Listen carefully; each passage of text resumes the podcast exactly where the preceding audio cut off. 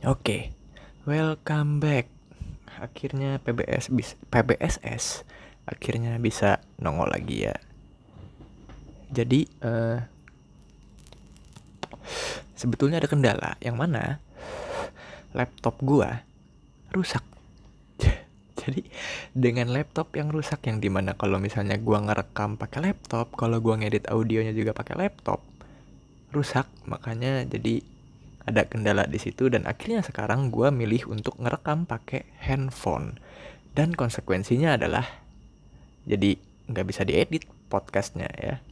Nggak gue nggak bisa buat nge-reduce noise-nya atau nge-cut-cut supaya nggak terlalu panjang gitu ya atau banyak ae ae atau banyak jeda. Jadi ya maksudnya setelah podcast ini episode kali ini terekam bakal gue langsung ya paling bisa lah untuk gue cut cut sedikit sedikit gitu ya kan di aplikasinya bisa nih untuk ngepotong-potong audionya. Ya paling abis gitu gue nggak nggak ngurangin background noise-nya segala macem gue nggak masukin intro gue langsung blast aja begitu aja. Untuk topik episode kali ini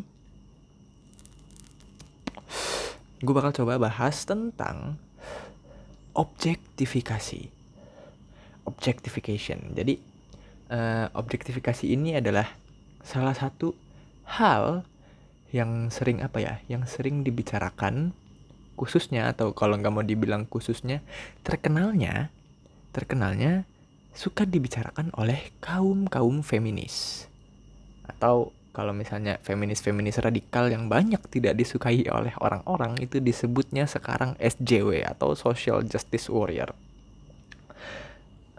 nggak uh, tahu ya tapi seharusnya menurut gua menurut gua seharusnya enggak semua SJW itu menyebalkan tapi banyak orang-orang menyebalkan yang disebut sebagai SJW. Gua nggak tahu apakah ini terjadi pergeseran makna dari SJW yang sesungguhnya atau gimana. Gua nggak ngerti. Tapi ya, ya lu ngerti lah apa yang gue maksud lah. Objektifikasi itu pertama-tama kita perlu tahu apa itu sebetulnya objektifikasi.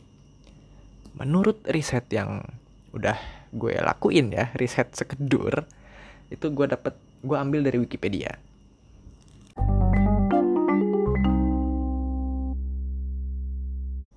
Jadi menurut Wikipedia nah ini gue bacain bahasa Inggrisnya dulu ya baru nanti gue coba terjemahin ke dalam bahasa Indonesia. Karena menurut gue terkadang uh, bahasa ketika sudah dialih bahasakan itu akan kehilangan ruhnya. Jadi gue coba baca pakai artikel aslinya bahasa Inggris. Lebih dulu. Objectification is the act of treating a person or sometimes an animal as an object or a thing. Objektifikasi adalah sebuah tindakan memperlakukan seseorang atau terkadang binatang sebagai sebuah objek atau sebuah benda. Jadi uh, objektifikasi ini semacam apa ya? Semacam dehumanisasi. Hmm. Menganggap seseorang itu bahwa dia ini nggak lebih dari sekedar sepeda misalnya atau nggak lebih dari sekedar sendal jepit yang bisa lu injek lu pakai untuk nggak bikin kaki lu kotor ke mana-mana.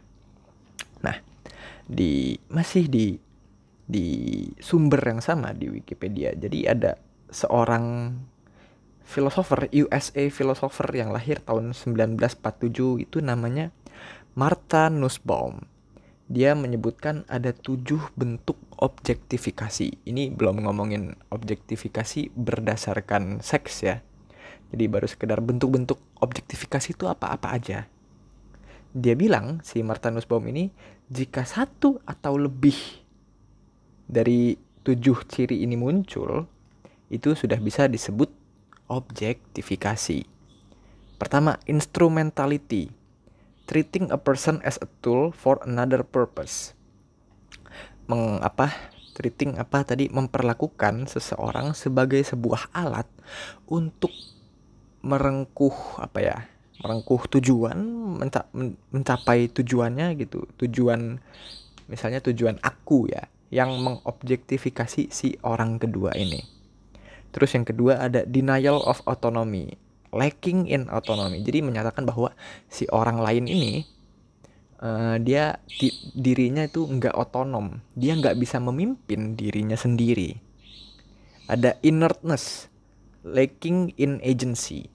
Lacking in agency ini maksudnya si orang ini tidak mampu melakukan sesuatu atau berkontribusi terhadap lingkungannya. Fungibility, interchangeable with objects. Itu fungibility artinya interchangeable with objects ya bisa digantikan oleh benda oleh objek. Viability. Viability itu adalah lack of integrity and viable. Si orang ini tidak memiliki integritas atau kekurangan integritas ya, lack of integrity dan bisa di violate, bisa di apa ya? Bisa dicelakain, bisa dirusak. Kita boleh ber laku sewenang-wenangnya terhadap si orang ini. Itu adalah salah satu bentuk objektifikasi menurut Martha Nussbaum. Terus yang keenam ada ada ownership. Ownership ini artinya can be owned, bought or sold. Seseorang itu bisa dimiliki, bisa dibeli atau bisa dijual. Ya, ini dimiliki kayak uh, kalau untuk konteks ini ya dimiliki dijual belikan itu gua rasa si Nussbaum ini dia sedang membahas apa ya slavery perbudakan karena kan perbudakan kita tahu zaman dulu tuh yang namanya budak kalau di Amerika Serikat itu dulu orang kulit hitam ya di, dipaksa bekerja sebagai budak untuk menjadi apa? Pemetik kapas gitu untuk mintal kapas bikin kain segala macam gitu ya petani kapas lah intinya lah kayak begitu. Terus yang terakhir ada denial of subjectivity. No need their concern. Maksudnya ini adalah ya si orang ini semacam nggak dianggap lah kita nggak perlu concern mereka kita nggak perlu persetujuan mereka untuk kita lakukan sesuatu terhadap si seseorang ini untuk kita mengobjektifikasi si orang lain ini. Uh, menurut Martha Nussbaum, one or more jika satu atau lebih dari tujuh instrumen eh dari tujuh bentuk tadi itu muncul maka bisa disebut itu adalah bentuk dari objektifikasi. Sekarang uh, kenapa ya? Gue gue kayak gue ngelihatnya nggak mungkin seseorang se at least selama dia mulai dari dia dewasa sampai dia mati lah gitu ya. Nggak mungkin tidak melakukan salah satu dari tujuh ini.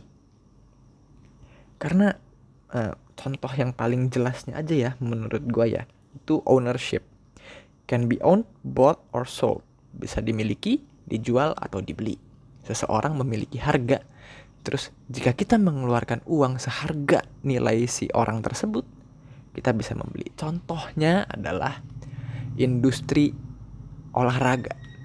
Dalam kasus ini gue coba ambil kasus sepak bola ya. Atlet sepak bola, seorang pesepak bola terkenal, lu bisa namain siapa? Lionel Messi, Cristiano Ronaldo, Eden Hazard segala macam, Marcus Rashford itu segala macam lu bisa namain mereka. Mereka dimiliki oleh satu klub tertentu yang mewakili sebuah kota. Cristiano Ronaldo misalnya dia memiliki eh dia dimiliki oleh klub bernama Juventus yang mewakili kota Turin. Cristiano Ronaldo di own nih, dimiliki. Emang bukan dimiliki oleh sebuah individu tapi dimiliki oleh sebuah apa ya, sebuah entitas fiksional bernama Juventus. Apakah Cristiano punya harga? Ya jelas harganya tinggi. Dia mungkin salah satu pemain yang harganya paling mahal sekarang ya katakanlah misalnya harga Cristiano Ronaldo satu triliun harga Cristiano Ronaldo satu triliun kalau misalnya klub selain Juventus misalnya klub kayak lain siapa? Chelsea misalnya.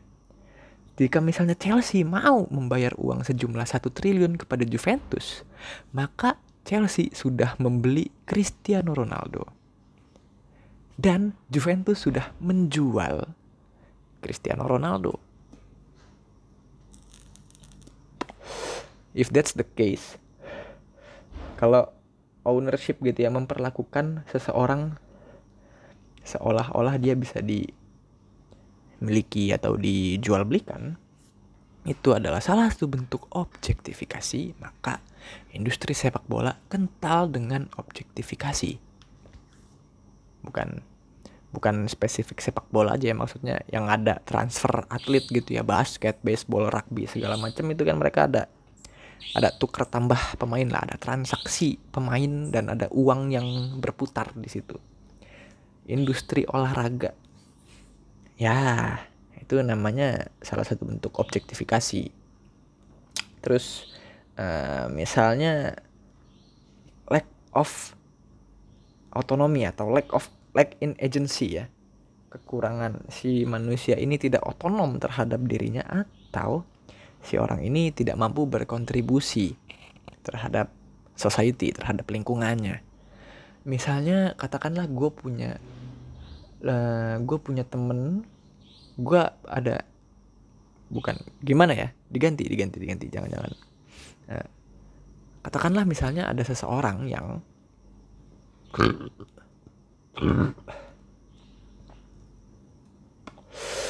katakanlah ada seseorang yang seorang bawa bapak bernama Arya. Misal kita kita pilih nama Arya misalnya ada bawa bapak namanya Arya.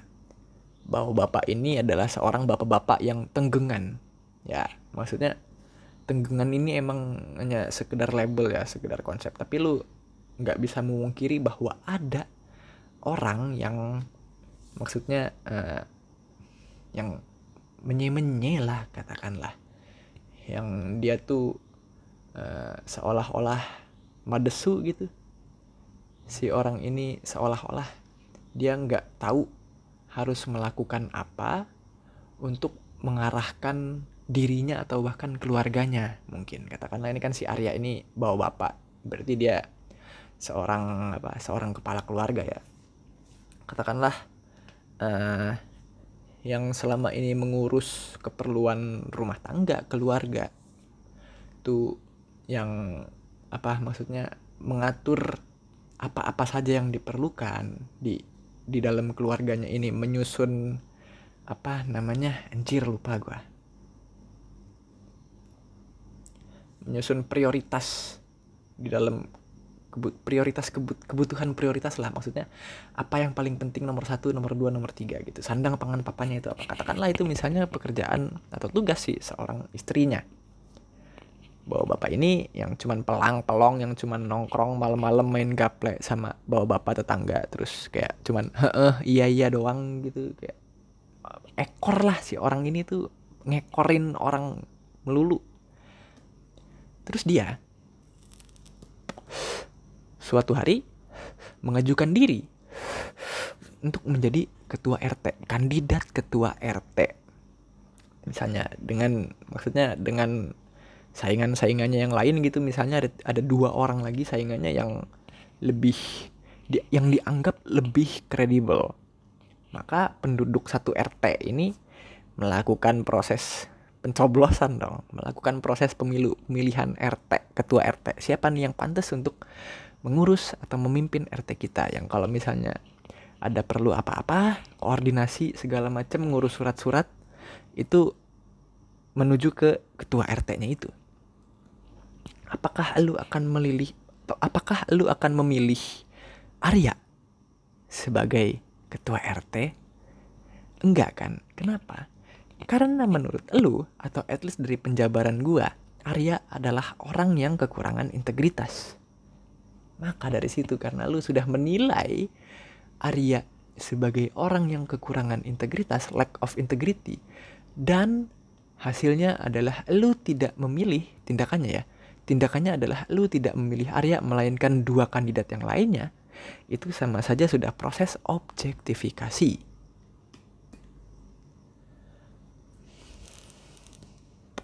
Mungkin kasusnya bakal lebih tepat kalau misalnya ini uh, Miss Universe ya.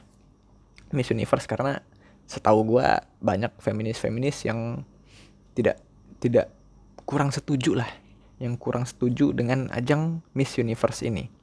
Tapi di mana itu uh, jadi ada seseorang lagi yang namanya Ray Langton. Ray Langton ini dia mencoba menambahkan tujuh daftar si Martha Nussbaum tadi. Dia nambahin tiga lagi. Satu reduction to body. Dua reduction to reduction to appearance. Ketiga silencing jadi total jika si Martha Nussbaum dan Ray Langton ini digabungin itu total ada 10 bentuk objektifikasi. Yang tujuh pertama tadi itu yang udah gue sebutin terus si Ray Langton nambahin uh, mereduksi seseorang menjadi sekedar badannya doang. Yang kedua mereduksi menjadi sekedar penampilannya doang. Dan yang ketiga silencing. Silencing itu apa ya? Membungkam lah katakanlah membungkam. Si orang ini nggak berhak atau nggak pantas bahkan untuk berbicara. Kayak udah lu diem aja anjing. Lu tahu apa si Relington ini adalah seorang Australian and British Professor of Philosophy. Dia lahir tahun 1961. Nah, kalau balik lagi ke yang soal apa namanya Miss Universe. Miss Universe ini kan uh, slogannya tuh ada 3B. Brain, beauty, behavior ya. Kalau yang brain kita bisa apologis lah. Tapi untuk beauty itu sama saja udah masuk yang kategori si Relington ini. Reduction reduction to appearance. Mereduksi seseorang berdasarkan penampilannya berdasarkan kecantikannya by her beauty. Di situ beberapa apa setahu gua feminis nggak tahu ya apakah mungkin semuanya semua feminis gitu kurang setuju dengan Miss Universe atau Miss World atau soon-soon itu karena itu bentuk salah satu bentuk subjektifikasi. Eh objektifikasi.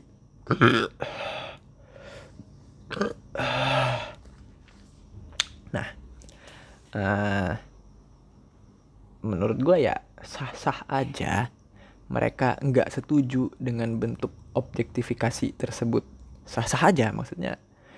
Gue mau melarang pun gue nggak bisa bikin orang lain untuk jadi suka dengan Miss Universe atau tidak tersinggung akan sesuatu ya uh, tapi uh, si Ray ini menurut Wikipedia-nya tadi, at least yang ditulis di Wikipedia-nya tadi itu juga dituliskan dia bilang jika satu dari tujuh uh, bentuk yang tadi udah dijabarin, jika satu atau lebihnya muncul itu salah satu bentuk objektifikasi. Tapi di apa paragraf berikut berikutnya itu juga dibilang kalau namanya bah, uh, bisa aja cuma satu yang muncul tapi itu bukan sebuah objektifikasi. Itu gue jadi agak maksudnya agak bingung tuh nggak nangkep. Gue gue masih harus cari penjelasan lebih lanjutnya lagi ya cuman sayangnya gue mager. Jadi kalau misalnya ada salah ya lu bisa bisa debatin gue lah lu bisa sanggah gue tapi dia juga bilang kalau uh, Nussbaum argues that potentially not all forms of objectification are inherently negative. Ya. Jadi enggak menurut Nussbaum pun bahkan jika satu tadi aja dibilang objektifikasi itu bukan otomatis berarti hal tersebut negatif. Ya, jadi menurut Nussbaum enggak semua enggak semua bentuk objektifikasi adalah sesuatu hal yang negatif. Uh, sebetulnya kenapa gue ngebahas beginian ya? Karena uh, eh, gue kemarinan pernah ngefollow beberapa akun feminis yang dari dari luar ya, kayaknya bukan Indonesia kan. Kalau Indonesia ada tuh yang lawan patriarki apa ya kalau nggak salah ya, terus intersectionalism, terus apalagi tuh gue lupa lah itu banyak uh, yang misalnya kayak ada dia bikin dia ngupload foto di fotonya itu teks doang percakapan gitu. Jadi misalnya ada cewek dan cowok terus mereka lagi kencan berdua si cowoknya ini ngomong you are beautiful kamu cantik. Si ceweknya bales cantik adalah sebuah uh, tindakan eh memuji cantik adalah sebuah tindakan seorang pemalas yang males untuk melihat aku lebih jauh dari sekedar tampilan fisikku. Ya kayak ya gue tahu itu maksudnya kayak si cewek merasa diobjektifikasi dan oleh si laki-laki gitu ya. Cuman somehow menurut gue reaksi tersebut berlebihan. Kenapa berlebihan ya? Itu sekedar pujian. Itu sekedar pujian kayak lu mungkin mungkin aja gitu. Gue sebagai cowok juga kadang uh, untuk muji misalnya katakanlah baru pertama kali ketemu gitu ya wah kamu terus gue masa langsung memuji-muji dia tentang hal-hal dia yang lebih lebih lebih apa ya lebih intim gitu misalnya tentang dianya baik sekali gitu misalnya dia seorang guru atau apa gitu kayak itu pasti akan sangat aneh anjir. Dan dan dan gua pun gua pun misalnya ada laki-laki yang muji perempuan cantik itu bukan dengan maksud ingin mengobjektifikasi atau ingin merendahkan, mendehumanisasi, bukan, bukan. Itu sekedar pujian. Mungkin uh, si cowok tahu lu tampil wah atau emang lu mungkin emang cantik. Terus uh, si cowok mikir bahwa lu sudah menginvestasikan waktu lu untuk dandan, untuk siap-siap supaya tampil maksimal demi ketemu dirinya. Dan ya udah, untuk menghargai hal tersebut, untuk menghargai effort lu, dia bilang lah kalau lu cantik dan lu berlebihan anjing dengan bilang si cowok ini merendahkan kayak fuck, fuck, fuck. Itu kabel-kabel di otak lu di disambungin ke mana anjing disambungin ke kulkas bangsat kayak aduh gua gua menurut gua ya menurut gua kalau misalnya tujuh dari si Nusbom dan tiga dari si Langton itu tadi total 10 itu salah satunya aja muncul itu bisa disebut objektifikasi. Manusia nggak bisa untuk nggak mengobjektifikasi. Uh, menurut Immanuel Kant dia ngomongin dari perspektif hasrat seksual ya.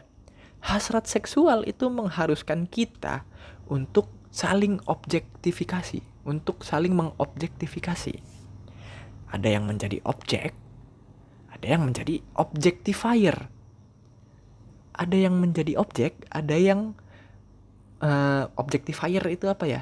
Yang menentukan siapa objeknya gitu. Objectifier gitu, si penunjuk lah katakanlah. Tapi menurut si ada ada ada maksudnya ada argumen sanggahan lah ya dari Catherine McKinnon dan Andrea Dworkin. Mereka berdua setuju dengan Immanuel Kant bahwa berurusan dengan hasrat seksual yang mana biasanya dikaitkan dengan cewek cowok cowok cewek gitu ya itu emang ada saling mengobjektifikasi tapi proses tersebut tidak tidak seimbang ini gue quote The way men and women express sexuality are structured by larger social and culture context. Jadi, cara laki-laki mengekspresikan seksualitasnya dan cara perempuan mengekspresikan seksualitasnya itu sudah terstruktur oleh social and culture context.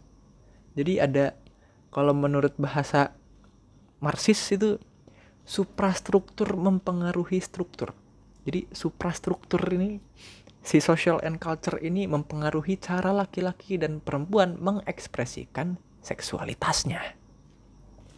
Ya, maksudnya gue kalau untuk hal ini gue yakin juga maksudnya tentang ketimpangan dari social and culture ini ya gue yakin masih banyak perdebatan tapi untuk gue pribadi gue nggak begitu ngerti dengan dengan dengan apa ya dengan pola pikir semacam itu tapi gue juga nggak menyanggah. Maksudnya nggak menegasi bahwa cewek dan cowok tuh ekspresi seksualitasnya tuh sama kok. Gue nggak bilang gitu. Gue gue di sini gue sekedar nggak tahu. Gue absen di sini gue gue golput oke? Okay? nah uh, terus menurut Jean Paul Sartre itu dari buku yang pernah gue baca ya itu judulnya Seks dan Revolusi di sini gue coba quote ya nih tapi agak panjang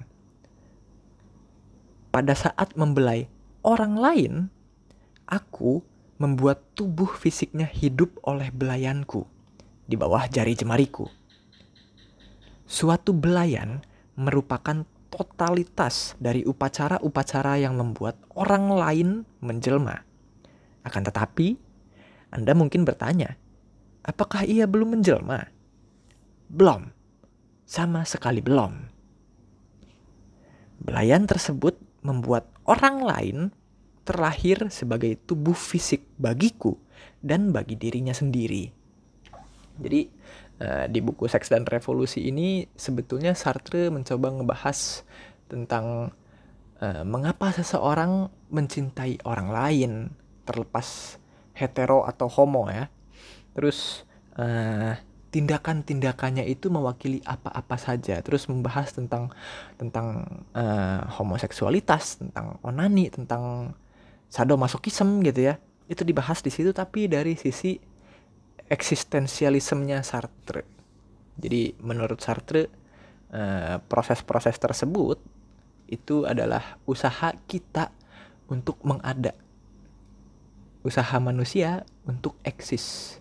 Jadi uh, uh, gimana jelasinya ya? Uh,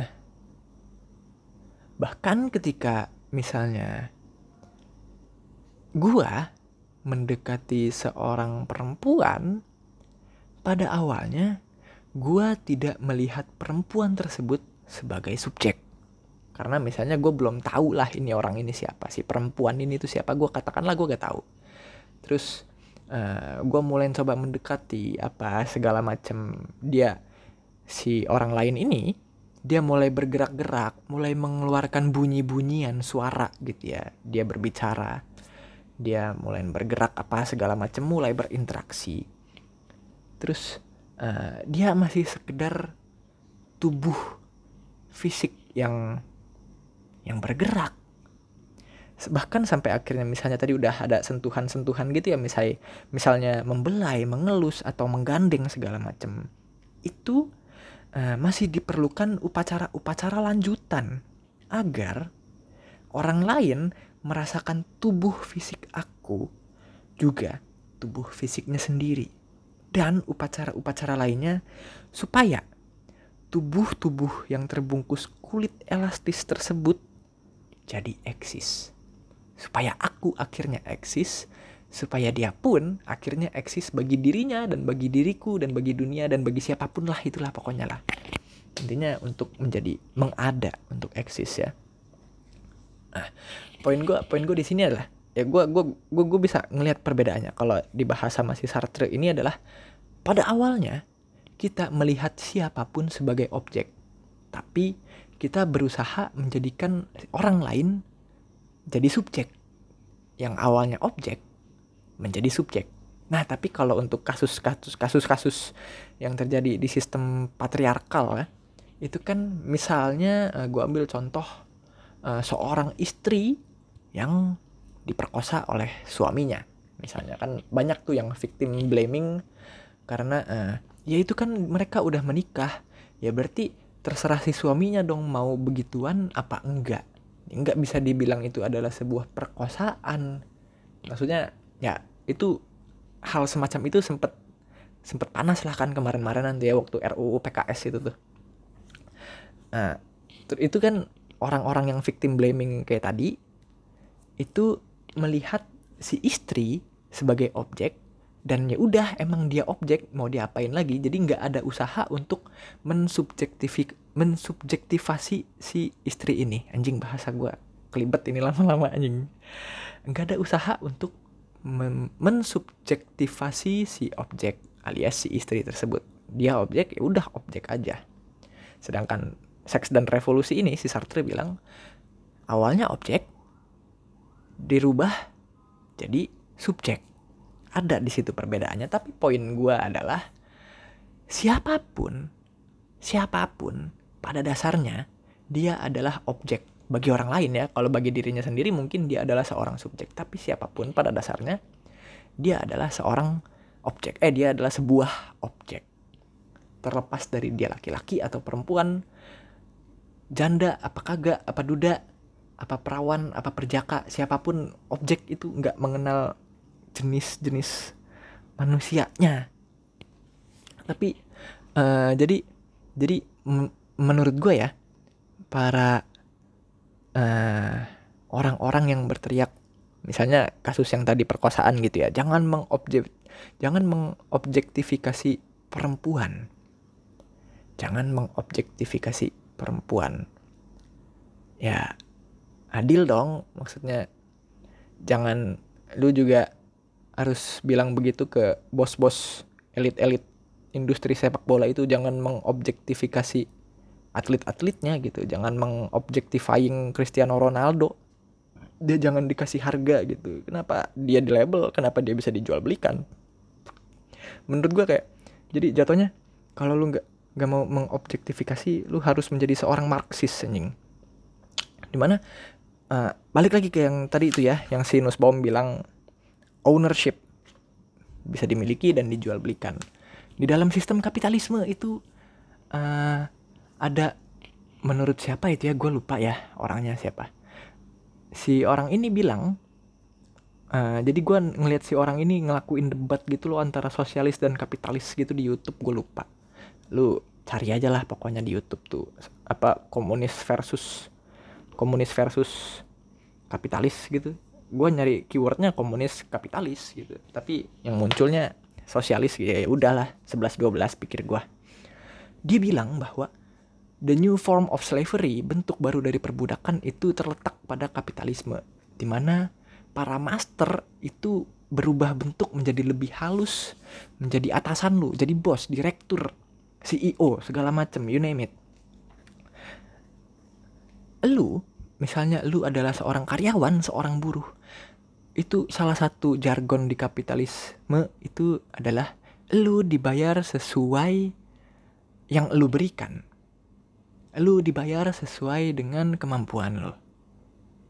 Itu sama aja dengan lu diberi harga sesuai value lu. Siapakah atasan lu yang berhak untuk memberikan nilai tertentu pada bawahannya, pada orang lain gitu. Siapa? Kalau misalnya mau pakai mau pakai perspektif SJW gitu jangan mengobjektifikasi ya lu juga demo dong itu para bos-bos kapitalis gitu bos-bos perusahaan gitu. Ya maksud gue gue gue gue nggak bilang bahwa sistem kapitalisme jelek. Gue gue nggak bilang komunisme jelek.